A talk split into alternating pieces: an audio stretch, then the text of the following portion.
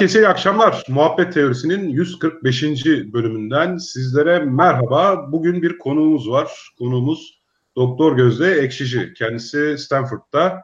Ee, tabii ki bugün kendisini tanıyacağız. Vaktimiz kalırsa çalışmalarından da bahsedeceğiz. Ama buraya gelmekteki başlıca amacı bize Epistem adlı oluşumdan ve şu anki bir deney yapalım mı adlı projeleri olacak. Hocam hoş geldin. Hoş bulduk Tevfik. Teşekkür ederim konuk aldığın için. Ben teşekkür ederim geldiğin için ve bugün e, senden öncelikle tabii epistemi dinleyeceğiz. Fakat kim olduğunu dinleyicilerimiz merak ediyordur, tanımayanlar. Bize biraz Gözde Eskici kimdir? Şu an neler yapıyor? Türkiye'de hangi üniversiteden, e, hangi üniversiteyi bitirdin, oraya gittin, ne yaptın? Böyle bir özet geçersen harika olur.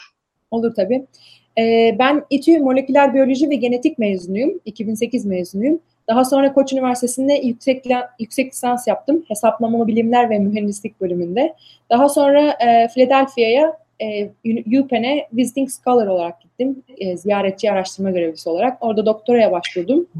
E, 2017'de e, biyokimya ve moleküler biyofizik e, bölümünden doktoramı aldım. Daha sonra da Stanford'da doktora sonrası araştırmacı olarak başladım. Şu an hücresel ve moleküler fizyoloji departmanında postdoc olarak bulunmaktayım. Ee, harika. Öyle hızlı anlattın ki böyle bir yavaşlatarak analiz etmemiz gerekecek.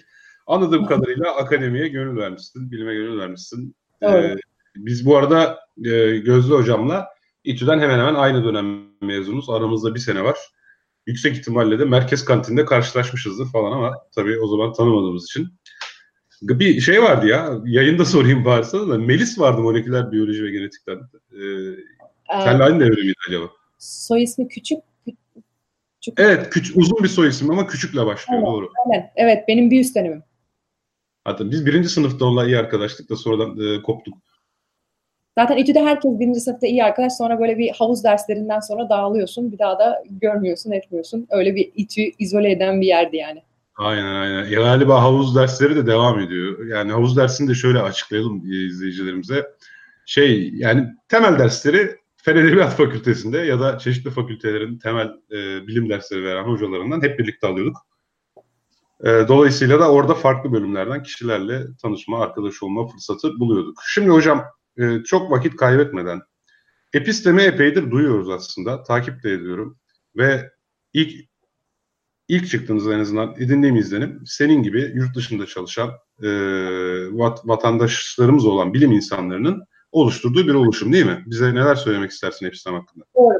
Epistem 2017'de kuruldu. Yeni sayılıyor. Ee, İçinde senin de söylediğin gibi yurt dışında yaşayan Türkiye'li akademisyenler var. Geneldeki genelde topluluğumuz doktora ve doktora sonrası araştırma görevlilerinden oluşuyor. Ee, bir araya geldik. Türkiye ile alakalı ne yapabiliriz? İşte e, nasıl katkı sunabiliriz diye düşünürken düşünürken çeşitli projeler oluşturduk. 2017'den beri bunları hem böyle düşündüğümüz fikirleri projelendirme aşamasındayız. Hem de e, bir deney yapalım mı diye başlattığımız bir proje var. Onunla e, ilgileniyoruz amacımız Türkiye'deki bilimsel kültüre katkı sağlamak. E, bunu hani siz çok güzel yapıyordunuz zaten. Evrim Ağacı vardı, işte Yalan Savar vardı, Nöroblog vardı, Bilim Fili vardı. Bunlar yayınladıkları yazılarla Türkiye'deki bilimsel kültüre katkı sağlıyordu. Bizimki de bu e, artık hani mücadele mi denir işte bir hareket mi denir buna bir omuz vermekti. Bizim aynı zamanda işte bunu yaparken biraz daha öğrencilerin hayatına dokunabileceğimiz projeler yapmakta amacımız. Bundan da zaten ilerleyen vakitlerde biraz daha ayrıntılı bahsederiz. Ama Epistem senin dediğin gibi özetlersek yurt dışında, genelde yurt dışında olan akademisyenlerin kurduğu gönüllü akademik bir topluluk. Yurt içinden de şeylerimiz var ama gönüllülerimiz var. Harika. Merak edenler için hemen de epistemtürkiye.org e, web sitesinden evet web sitesinde hem işte projeler hakkında bilgi bulabilirsiniz hem de Epistem üyesi ve gönüllüsü olanların yazmış oldukları kısa e, makaleler var, yazılar var. Bu yazılardan da bilgiler edinebilirsiniz. Şimdi bir deney yapalım mı oldukça e, cezbedici bir proje adı olarak görünüyor.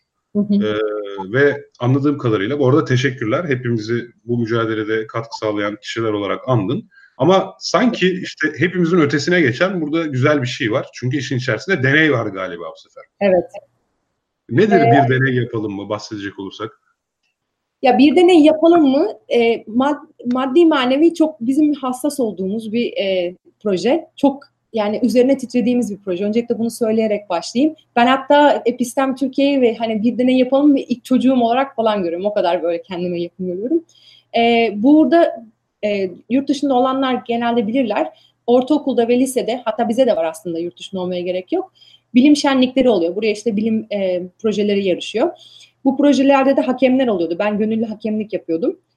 Bunlarda işte öğrendiğim şeyleri e, Türkiye'ye nasıl aktarabiliriz? Türkiye'de nasıl böyle bir şeyler yapabiliriz diye düşünürken birkaç arkadaşla bir araya geldik. Türkiye'deki öğrencilerle bir, e, bir e, proje yapalım diye düşündük. Hafta sonları birer saat internetten video konferans yoluyla görüşerek bu öğrencilerle önce bir ilgilendikleri soruyu öğreniyoruz.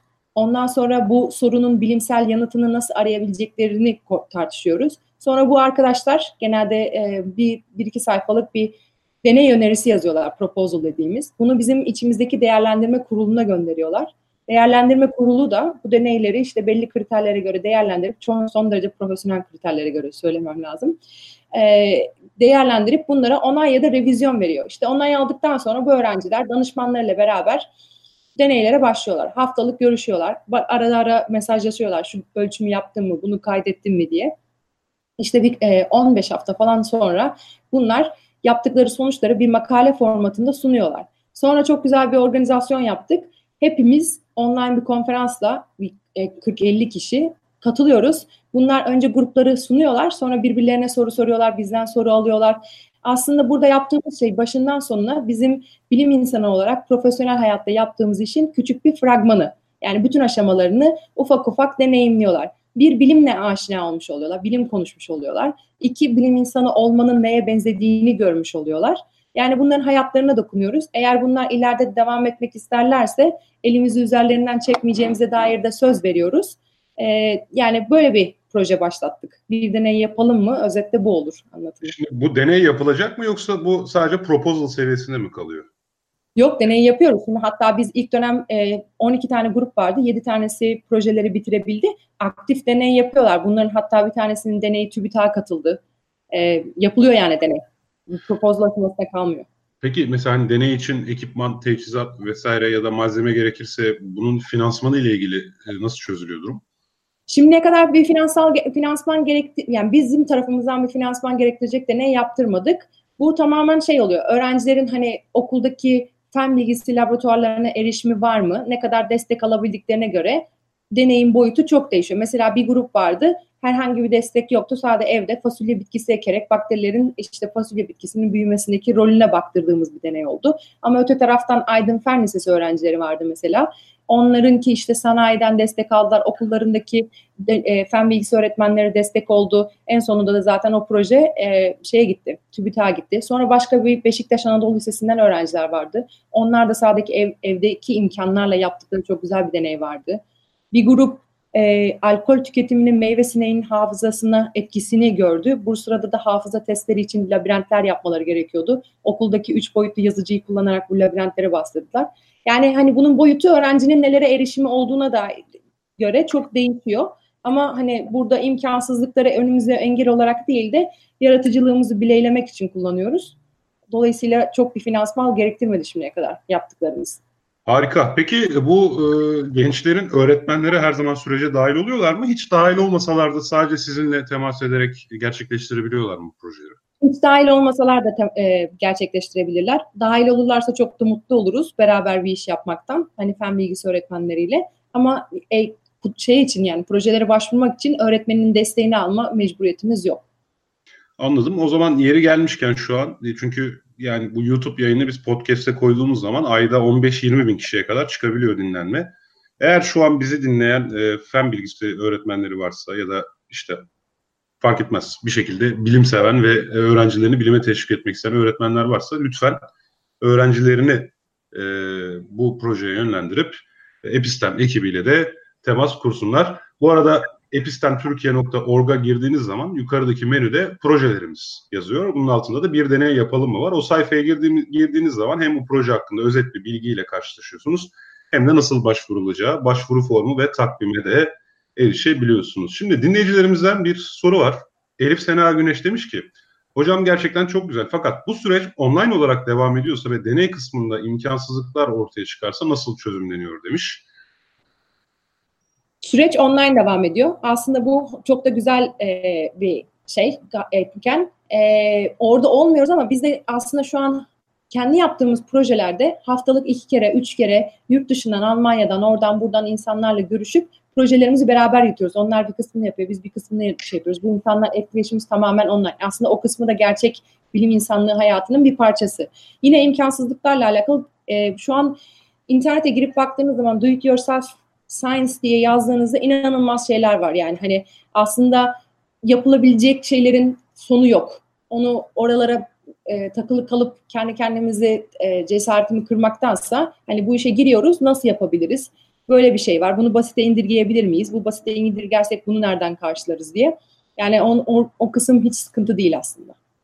Aslında düşününce bu bir avantaja da dönüşebilir gibi geldi bana. Çünkü evet. işte pek çok bu tarz projede özellikle de öğretmenler işin içine girince böyle veya veliler işin içine girince her şeyi öğretmenlerin, velilerin yaptığı, çocuğun da bu süreçte seyirci kaldığı durumlar oluşabiliyor.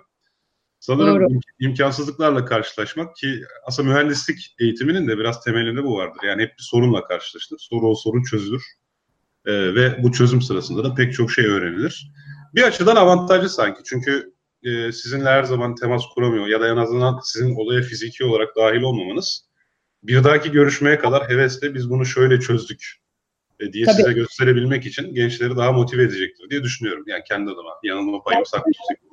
Bizim buradaki rolümüz danışmanlık. Gerçekten de danışman olarak kalmak istiyoruz. Deneyi biz yaptıran ya da yapan değil de onlar yürütsünler. Bize bir şey olduğu zamanlar yani mümkün olduğunca bu süreçte aktif rol almalarını istiyoruz ki çünkü o sırada senin de dediğin gibi bayağı şey öğrenilmiş oluyor. Ha, süper süper nokta. Yani burada evet tam bir danışman olarak konumlanmak harika bir nokta. Peki mesela bize böyle bir örnek verebilir misin önceki uygulamadan? Yani şöyle bir sorunla karşılaşmışlardı ve gençler bunu bu şekilde çözdü diyebileceğin güzel örnekler var mı?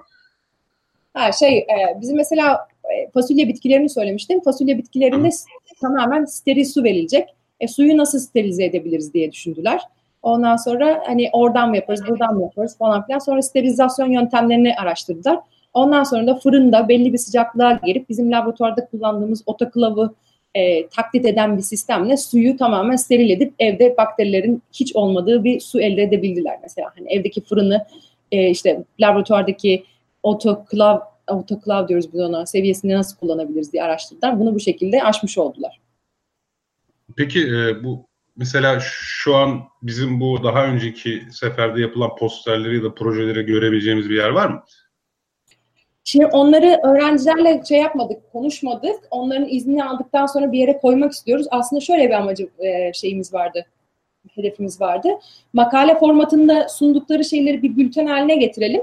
Bunları arşivleyelim. Hem bunu hani okullarında deney yaptırmak isteyen fen bilgisi hocaları yararlanabilirler. Belki aynısını yaptırırlar işte ya da benzerini yaptırırlar. Hem de bizim yaptığımız şeyler dosyalansın diye bunu yakın zamanda siteye eklemek istiyoruz. Öğrenciler önce bir rızasını alıp konuşmadık çünkü henüz. Anladım. Peki eğer bunu e-kitap yapmayı düşünürseniz biz de seve seve destek vermek isteriz bu arada. Bir şekilde e, daha diğer tüm Google Play gibi platformlardan ve benzeri yayılmasını da sağlayabiliriz yani. Peki e, başka neler söyleyebiliriz bu konuda? Şimdi mesela ben burada okuyorum. E, en az 10 hafta sürüyor. Yani bir anlamda sanki liseli gençleri daha uzun vadeli projelere böyle bir hafta yapıp bırakacakları değil uzun vadeli projelere de yönlendirmek gibi bir evet, katkısı evet. olacağını düşünüyorum. Buradan hatta şey yapabiliyorlar. E, bu 10 haftadan sonra isterlerse bu proje işte Google'ın şeyi var. E, bilim yarışması var. TÜBİTAK yarış bir grup dediğim gibi projesini TÜBİTAK yarışmasına e, aktardı. Orada şimdi yarışıyor olması lazım. Sonucunu tam bilmiyorum, takip edemedim. Ama başka e, platformları da taşıyabilirler. Uzun dönemde bir deney yapıyorlar. Ondan sonra da hani bunu dediğim gibi bir hafta bit, bitip bir şey yapacak bir olay değil. Uzun süreli ölçümler yapacakları e, bir şey istiyoruz. Deney yaptırmak istiyoruz genelde. Böylesi daha güzel oluyor, daha verimli oluyor. Bize bir de bizim bir etkileşimimiz daha sağlıklı oluyor. Ee, anladım. Peki. Buradan bir, bir yandan okuyup bir yandan soruyorum da o yüzden duraklıyorum. Önemli değil. Ben burada sen okurken şöyle bir şey eklemek istiyorum. Tabii. Şimdi bizim içimizde belli bir e, bu işi hani biz top, topluluk olarak yaklaşık 50 kişiyiz ama hepimiz her zaman danışman olamıyoruz. E, bize şu an 15 Nisan'da bizim başvurularımız başladı. 15 Haziran'a kadar da başvuru alıyoruz. Ben buradan bizi dinleyen, yurt dışında yaşayan, e, bu işe katkı sunabileceğini düşünen insanlara seslenmek istiyorum. Gelin bizde danışman olun, daha fazla öğrenciye ulaşalım, daha fazla öğrenciyi bu imkandan faydalandırmış olalım. Böyle bir duyuru yapmak istedim. İnşallah e, bize e-mail atabilirler ilgilenenler varsa. Ufak bir mülakat gibi bir şey yapıyoruz. Kendimize kendimizi tanıtıyoruz. Onlardan e, nerelerde okuduklarını falan öğreniyoruz. Ondan sonra da e, başlıyoruz. Çok memnun oluruz yani eğer ilgilenenler mail atarsa.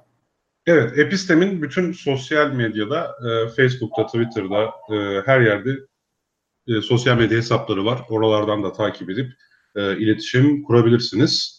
Evet. E, Valla ben işte heyecanla bekliyorum. Açıkçası da yani gençler gerçekten neler yaptı, kendilerini nasıl ifade ettiler o makalede. Onları e, görmeyi gerçekten sabırsızlıkla bekliyorum.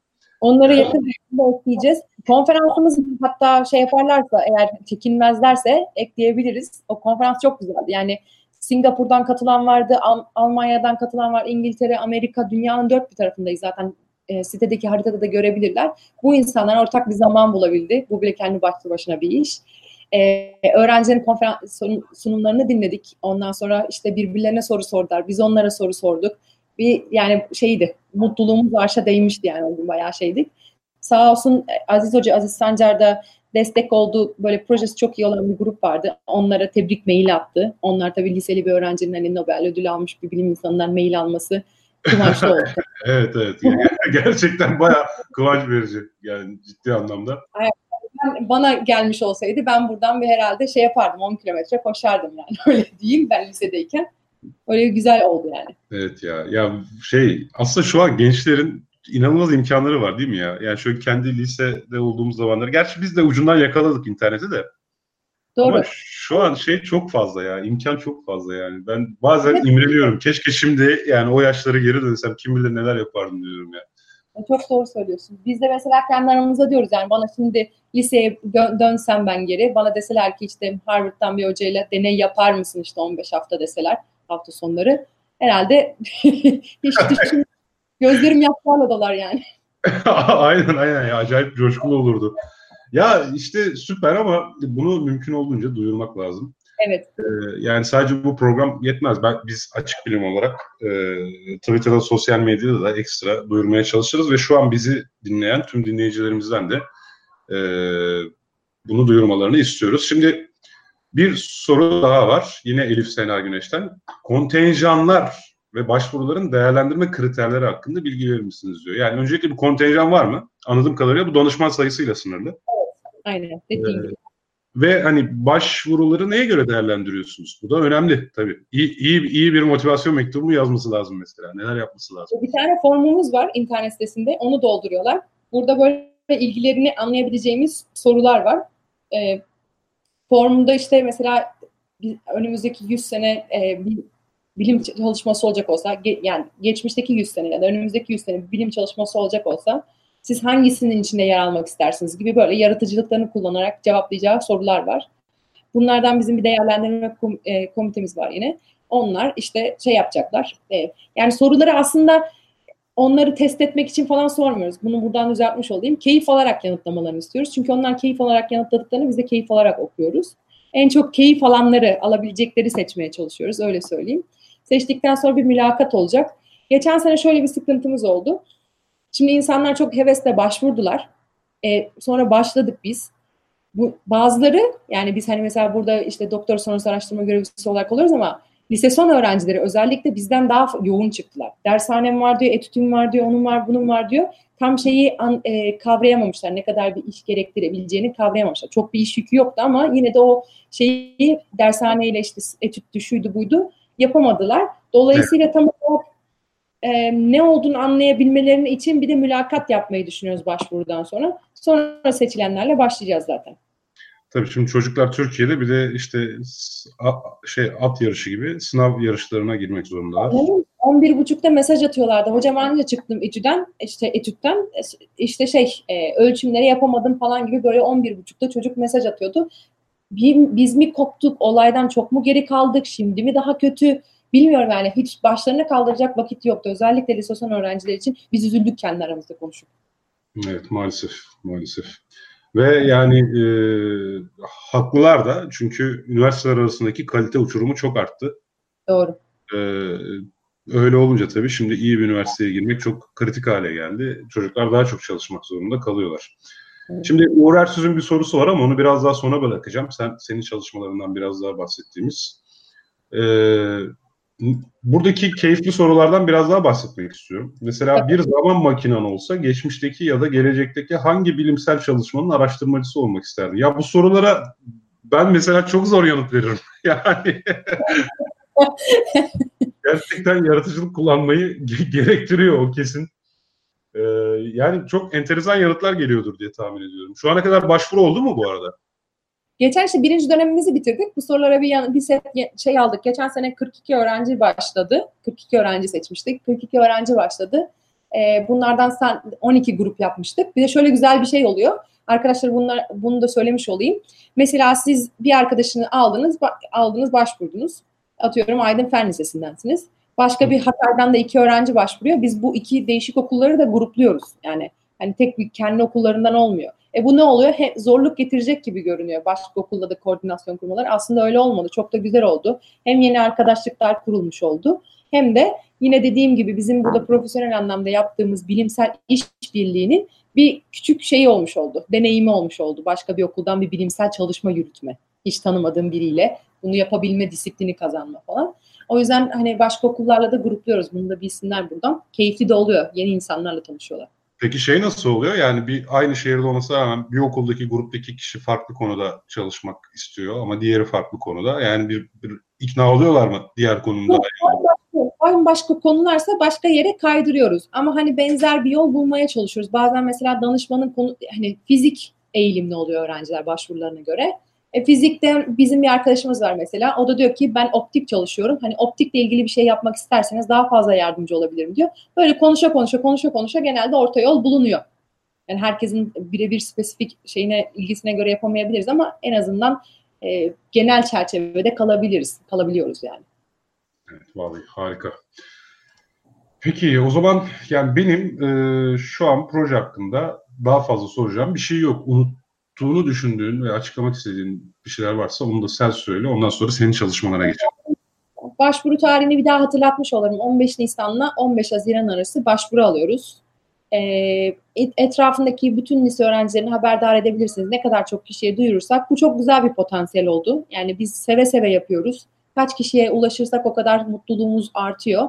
Lütfen hiç du- duymayan kalmasın. Gönül ister ki duymayan kalmasın. Herkes duysun ona göre e, biz bazı mesela hiç başvuru almadığımız şehirler var. Genelde Türkiye'nin doğusundaki şehirlerden şimdiye kadar başvuru gelmedi. Hatay geldi, Konya geldi, Aydın geldi, işte İstanbul, Ankara, İzmir geldi. Ama belli yerlerde kaldık. Öğrencilerin öğrencilerden istediğimiz tek bir tek bir kriter var. O da internetlerinin olması. Çünkü bu dediğim gibi çevrim içi e, yürütülen bir proje.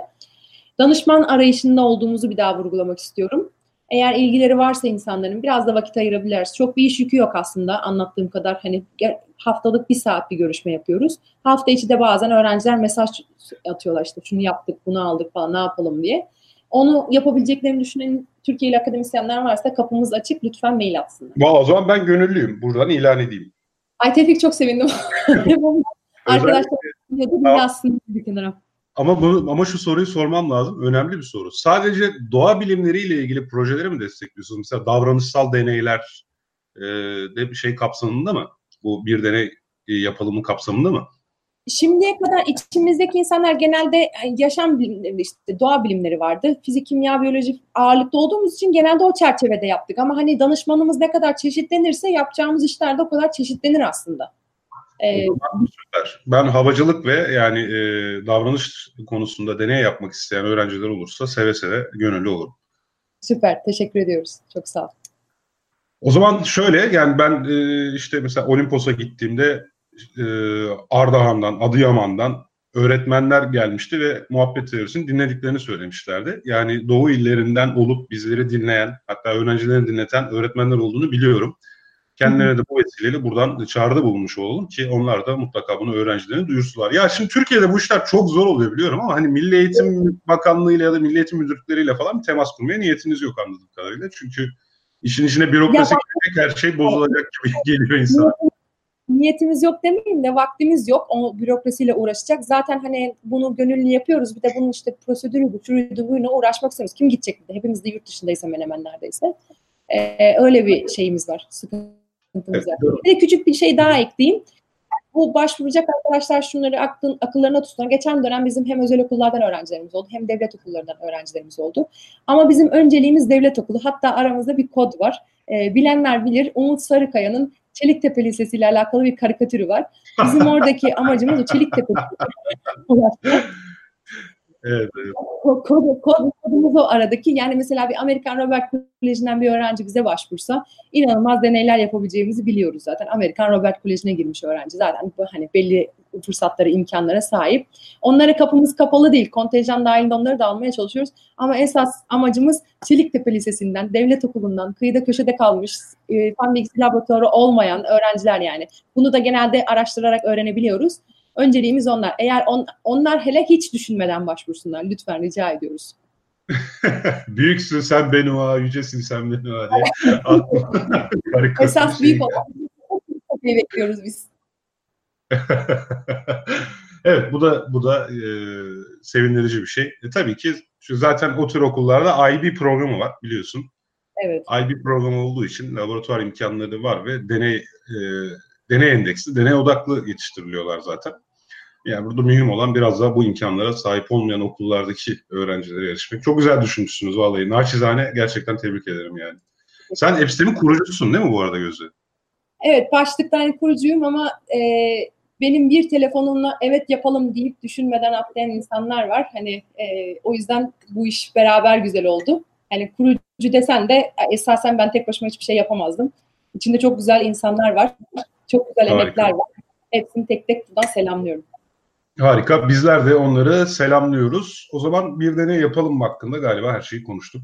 Evet. Ee, şimdi biraz daha senin çalışmalarına dönebiliriz diye düşünüyorum. Evet, evet. Şu an tam olarak ne yapıyorsun? Doktoranda ne yaptın ya da yani bunlar birbiriyle bağlantılı mı? Ya bir ee, molekül şimdi hatta Uğur, Uğur Ersöz diye bir izleyicimizin de sorusu var. Hani moleküler biyoloji ve genetik öğrencilerine önerileriniz var mı diyor. Bunların hepsini böyle birleştirerek bir soru soracağım. Ee, öncelikle çalışmalarından başlayalım. Ben İTÜ moleküler biyoloji ve genetiği bitirdim. Ama orada sadece labda yap, laboratuvarda yaptığımız deneylerle tatmin olmadım. Ee, böyle saatlerce bir mesela benim yani bu görüşüm tabii e, kişisel görüşüm eleştiriye açık. Laboratuvarda böyle e, kitaptaki bir cümleyi, textbook'taki bir cümleyi doğrulayabilmen için saatlerce çalışıyorsun falan. O böyle tek başına hani hem yorucu hem beni tatmin etmedi tek başına e, tek o, yani o sadece o işte uğraşmak beni mutlu etmeyeceğini düşündüm. Sonra Koç Üniversitesi'ne geçtim yüksek lisansı. Hesaplamalı bilimler ve mühendislikte yaptım. Burada moleküler dinamik simülasyonlarını öğrenmiş oldum. Burada bizim e, mesela proteinlerin katlanması olsun, hücrenin içinde olan olayları siz e, bir takım simülasyonlar yaparak tahmin etmeye çalışıyorsunuz. İşte hesaplarını yapıyorsunuz. Bu bununla etkileşiyordur, şu şundan şöyle yapıyorduk diyorsunuz.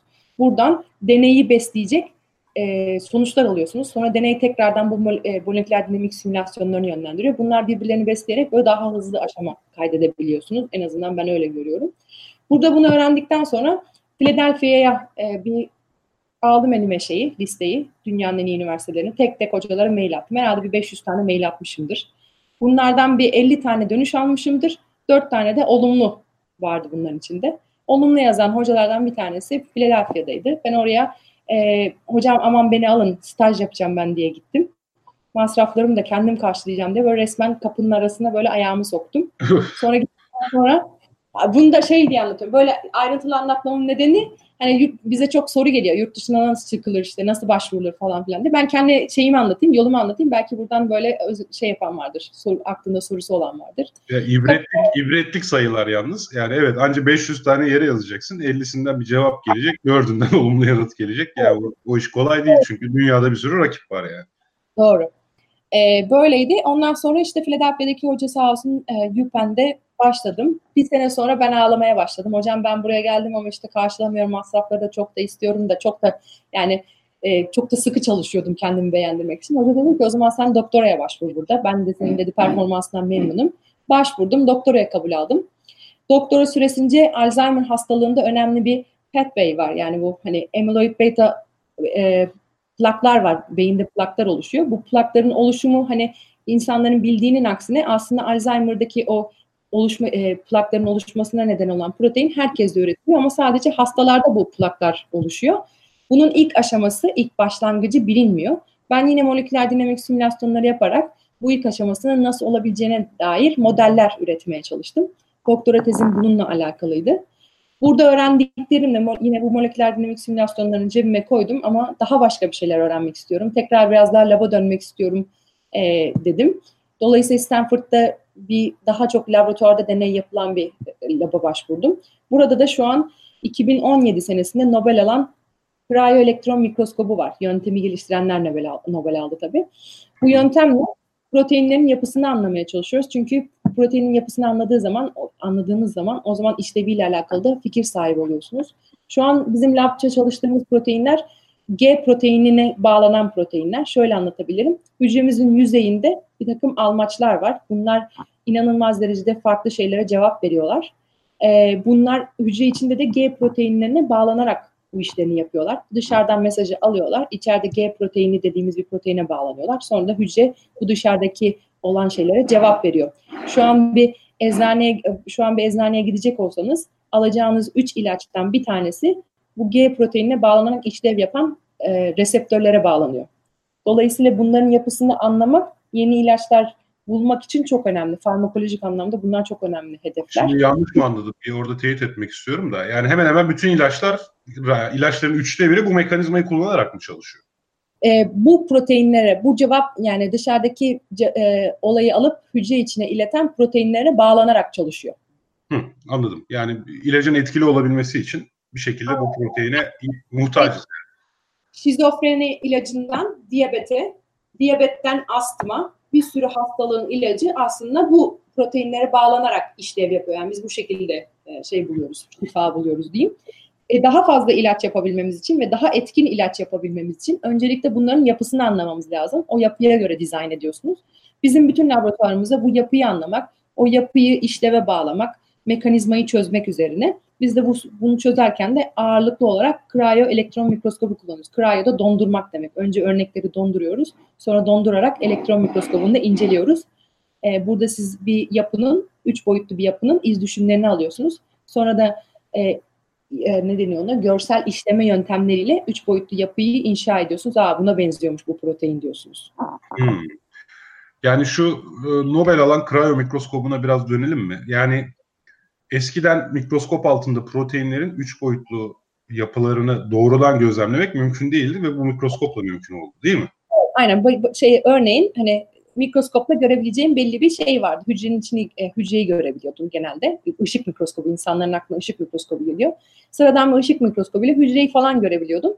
Şimdi bu elektron mikroskobunda inanılmaz bir çözünürlükle artık hücrenin içindeki proteinleri görebiliyorsun. Proteinlerin iz düşümlerini görüyorsun. Sonra da bir takım ekstra işlemlerle bunun üç boyutlu yapısını inşa ediyorsun. Aa buna benziyormuş diyorsun. Yani bu bir devrim aslında. Hmm. Şu an hiç göremediğimiz çözünürlükte şeyleri görebilmeye başladık. Hızlı bir şekilde görülmeye başladık. E bundan önce ne yapıyorduk protein yapısını çözmek için dersen iki tane ana yöntem vardı. Biri X-ray ışınlarını kullanmaktı. Biri de manyetik rezonans kullanıyorduk. Nükleer manyetik rezonans kullanıyorduk. NMR diye kısalttığımız. Bu iki yöntem de biyolojiye çok e, hizmet etmiş iki yöntemdi. Fakat bunlar NMR ya çok büyük boyutlu proteinleri göstermemize yaramıyordu. X ışınları kullandığımızda da kristal proteini önce kristal hale getiriyorsun. Sonra X ışınlarını gönderiyorsun. E, proteinin kristal halindeki yapısıyla senin hücrende esas işlev gösterdiği yapı bir olmayabiliyor. E, cryo elektron mikroskobu bu sorunu da çözüyor. Çünkü sen zaten proteini sulu halindeyken yani hücredeki çalışır haldeyken direkt. Çalışır haldeyken dondurmuş oluyorsun. Anladım. Ve böylece iz düşümden de e, bayağı bildiğimiz geometrik hesaplamalarla değil mi? Yani eğer gölgesi buysa, iz düşümü buysa yapısı bu olmalı diye çıkarımlar yapabiliyoruz. Böyle bir başka açılardan iz düşümlerini birleştiriyorsun. Üç boyutlu yapısı bu olabilir diyorsun. YouTube'da bununla ilgili cryo elektron mikroskobu yazarlarsa ilgilenenler çok güzel ufak böyle tanıtıcı videolar var. Şimdi benim dediğim bütün her şeyi görselleştiren şeyler var. 2-3 dakikada bayağı bilgi sahibi olabilirler. Harika. Şu cryo, Cryonics'teki cryo değil mi? CR evet kodlarsak insanları da şey yapalım. Ceyhan'ın C'si, Rize'nin R'si, e, Yozgat'ın Y'si, e, Osmaniye'nin O'su. Evet. Cryo elektron mikroskop. Evet. Evet ben de yayın biter bitmez hemen bir tane video açıp ya ben o Nobel alındığında bir merak edip izlemiştim ama yani o yüzden söylediklerim gözümün önünde canlanmıyor ama şimdi bu bilgilerle tekrar bakmaya yani çok bilinmiyor. Ee, bir tek ben o Nobel alındıktan sonra tabii bizde Nobel falan bunlar hani konuşuluyordu. Ee, ismen geçiyor. Ne alındı, neden alındı falan onları çok fazla duymuyoruz. Bir tek Orhan Bursalı galiba yazmıştı. Elektron mikroskop. O da böyle üç satır mıydı neydi? İnsan istiyor ki keşke bunlar bilinsin. Biz mesela X-ray ya da NMR'ın yaptığı devrimi kaçırdık. Hani Türkiye'de bunu hep arkadan takip ettik. Ama cryo, cryo devrimi devrim deniyor buna. E, şu an oluyor bu olay. Yani bunu yakalama şansımız var aslında Türkiye'de. Şu an bir mikroskop alınsa, bir e, şey kurulsa, mikroskopların olduğu bir yer kurulsa ve bunu araştırmacıları dönse şu an biz de Türkiye'de önemli çalışmaları anında dünya ile beraber yapabiliriz. Yani bu fırsatı yakalayabiliriz. Yani bu mikroskop Ama ticarileşti. Yani isteyen parayı tabii, tabii. alabiliyor şu an. Tabii. Yani 10 milyon dolar civarı bir parası var ama hani oraya atlarsak bunu alan herkes çok güzel işler yapıyor aslında. Ya olsun yani nelere para harcanıyor. Eğer bir şekilde bu gerçekten şu an hani e, yeni bir teknoloji ise ve henüz ilk alanlardan olmayı başaracaksak ve bu sayede bir sürü araştırma yapabileceksek bence gözden çıkarılabilecek yani, yani. Çok önemli bir soru. Hani her şey yapıyla başlıyor aslında. Yapıyı öğrenmeniz lazım ki ondan sonra işlemini öğrenin. İşlemini öğrenin ki ondan sonra ona bir ilaç e, yani şey yapın işlemini daha etkin hale getirebilecek bir ilaç tasarlayabilin. Yani bir cryo elektron mikroskobu deyip geçmemek lazım. Bununla yaptığınız çalışmalar birden fazla alanı ileri götürüyor. Yani çok ha, bunu soracaktım. Yani ilaç geliştirmek dışında hangi alanlarda faydalı olabilir bize? Aslında cryo elektron mikroskobunun malzeme bilimi de çok kullanıyor. Yaptıkları malzemenin yapısının değişikliklerini falan görmek için.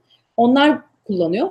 Ee, virüslerin yapısı, yani sadece protein çalışmak zorunda değilsiniz. Virüslerin yapısını çalışan var. Mesela bizim e, üniversitede şey neydi o Zika virüsü çalışılıyor. Hani onu ila şeydi yani yapısını anlamaları lazım. Ne şekilde hücreye giriyor. Yani biyolojide soracağınız aslında her soru yapıyla başladığı için yapıyı çözmenin de üç ana yolundan bir tanesi cryo elektron mikroskop olduğu için bu sizin temel ihtiyaçlarınızdan bir tanesi. Bu bir lüks değil yani. Dolayısıyla evrimsel biyoloji ve benzeri gibi alanlarda da e, veya sadece ilaç değil de genetik olarak yani genetik olur yani bunun içinde sadece hani farmakolojik olarak önemli olmayabilir ama mesela işte e, aslında her şey farmakolojik olarak önemli ama o kadar önemli olmayabilir diyeyim. Başka proteinlerin yapısını çözmek için olabilir. Etkileşimini anlamaya çalıştığınız bir yer vardır. Mesela ikisini beraber dondurursunuz, bunu çözebilirsiniz. Yani o yapabileceklerinizin yine burada da şeyi yok, e, sınırı yok. Çalışma konunuz çok değişik olabilir ama bu gerçekten temel bir ihtiyaç yapı sorusunu Şimdi mesela Ahmet Sulakçı adlı izleyicimiz kanser e, diye soru işareti koymuş. Yani kanserde işe yarar mı diye. Şimdi ben bir tahminimi söylüyorum. Yanılıyorsam lütfen sen düzelt. Şimdi e, protein kanser protein yolaklarının bozulmasıyla da ortaya çıkabiliyor değil mi? Evet. Yani evet. dolayısıyla ben e, protein yolağı bozulduğu için ortaya çıkan proteinde bir arıza varsa da bunu e, kriyoelektron mikroskobuyla tespit edebilirim ve böylece kanserin hangi yolak sebebiyle bozulduğunu anlayabilirim diye düşünüyorum. Bence güzel bir tahmin. Çok da güzel oldu. Hatta e, benim cevabımı çoğunu verdim. Mesela diyelim ki A proteini var. Bunun kanserde önemli olduğu düşünülüyor. A proteininde bir mutasyon oldu. E, bu mutasyon ne yapıyor da bunun işlevini bozuyor dediğinde bir A proteinin yapısını çözersin. Bir mutasyonla A proteinin yapısını çözersin. Karşılaştırırsın. Ondan sonra bu demek ki bu mutasyon böyle bir şey bozmuş. Bu bozukluk işte önemliymiş kanserde dersin onun e, orayı sağlamlaştıracak bir ilaç yapabilirsin ya da hiçbir şey yapmasan da orayı anlamış olursun. Evet, müthiş ya. Yani gerçekten sadece 10 milyoncuk. Yani bu da şu oluyor. 10 bin tane dinleyicimiz varsa eğer hepsi hepsi bin dolar verirse biz bu mikroskobu alabiliyoruz. yani evet şimdi program sonunda İvan numaralarımızı veriyorum. İş Bankası'na yatırsınlar diyormuş hesap Evet, evet, İş Bankası'nda döviz hesabımıza oraya biner dolar gelsin ve bu mikroskobu alın. Tabii bu mikroskobu alınca bitiyor mu gerçekten iş?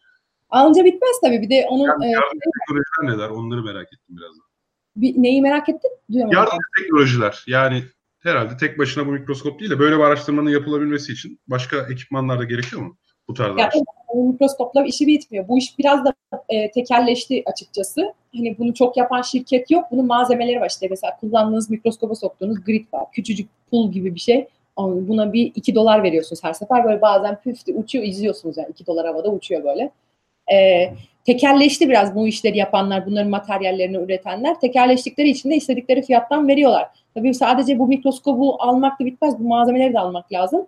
Bu malzemeleri almak da bitmez. Bu malzemeleri ucuza üretmek lazım. Yani bu bir aslında koskoca başlı başına bir alan. Türkiye'nin girebileceği ve şu anlığında yakalayabileceği, dünya ile şeye gelebileceği. Ee, aynı zamanda hani bu mikroskopları aldınız. Buna uygun bir yer yapmanız lazım. Bunlar işte elektron mikroskop olduğu için çok iyi topraklanması lazım. İşte bunların özel şeyleri oluyor. Çok hassas. Ee, çok hassas kameralar var mesela. Odayı böyle acayip bir ses izolasyonu yapıyorsun. Yanında bağırmıyorsun. Kapıyı bile çarpmıyorsun işte. Hani kamera görüntü alırken titreşim yapıp da sana şey bir e, flu bir görüntü vermesin diye. Bunun kamerası var, olsu var. Yani tabii mikroskopla bitmiyor. Ama en pahalı kalem burada mikroskop. Evet. Ve tabii ki prosedürler. Uyulacak prosedürler. Ben hep orayla ilgilendiğim için hakikaten işte o rüzgar bile değil mi? İçeride olacak rüzgar bile ölçümlerin güvenilirliğini zedeleyeceği için. Bunun için bir o zaman tesis lazım mikroskoptan ziyade. Evet. Bizim burada öyle özellikle bu iş için ayrı ayırdığımız bir bina var. Burada dört tane mikroskopumuz var ayrı ayrı odalarda. Ayrı ses izolasyonlarında. Bunların hani içeri şey örneği koyuyorsunuz. Ondan sonra çok başka bir tarafta bir oda var. O oradaki bilgisayarlardan mikroskopu kontrol ediyorsunuz. İşte şunu yap, bunu yap, bunu yükle. Aa, aynı odada bile olmamanız lazım haliyle yani. kesinlikle aynı odada değilsiniz. Başka bir yerde. Oradaki bulunmanızın yaratacağı sıcaklık gradyanı bile e, bir şeyleri değiştiriyor. Hani sıcaklık var, ses var, titreşim var. Yani genelde mikroskopları çok ayrı başlı başını bir, yer, bir yere koyuyorlar. Biz baş, başka bir yerden onları kontrol ediyoruz. Bu odada her şey otomatik oluyor. Yani iç, içerideki ortalama sıcak ne olması gerekiyor yani? İçerideki ortalama sıcaklığı oda sıcaklığı fakat biz sürekli bu mikroskopları sıvı nitrojenle soğutuyoruz. Hmm. Yani Çünkü o, zaten proteinleri de öyle donduruyorsunuz herhalde. Proteinleri don, e, sıvı etanın içinde donduruyoruz. Dondurduğumuz yer laboratuvar. Laboratuvardan mikroskopa götürene kadar bunlar sürekli sıvı nitrojenin içinde eksi 178'lerde galiba yanlış hatırlamıyorsam o sıcaklıkta şey yapıyor gidiyor. Sonra mikroskopta da bunların erimemesini istiyorsunuz. Soğuk durmasını istiyorsunuz. İşte o sırada da e, sürekli mikroskop sıvı nitrojenle soğutuluyor.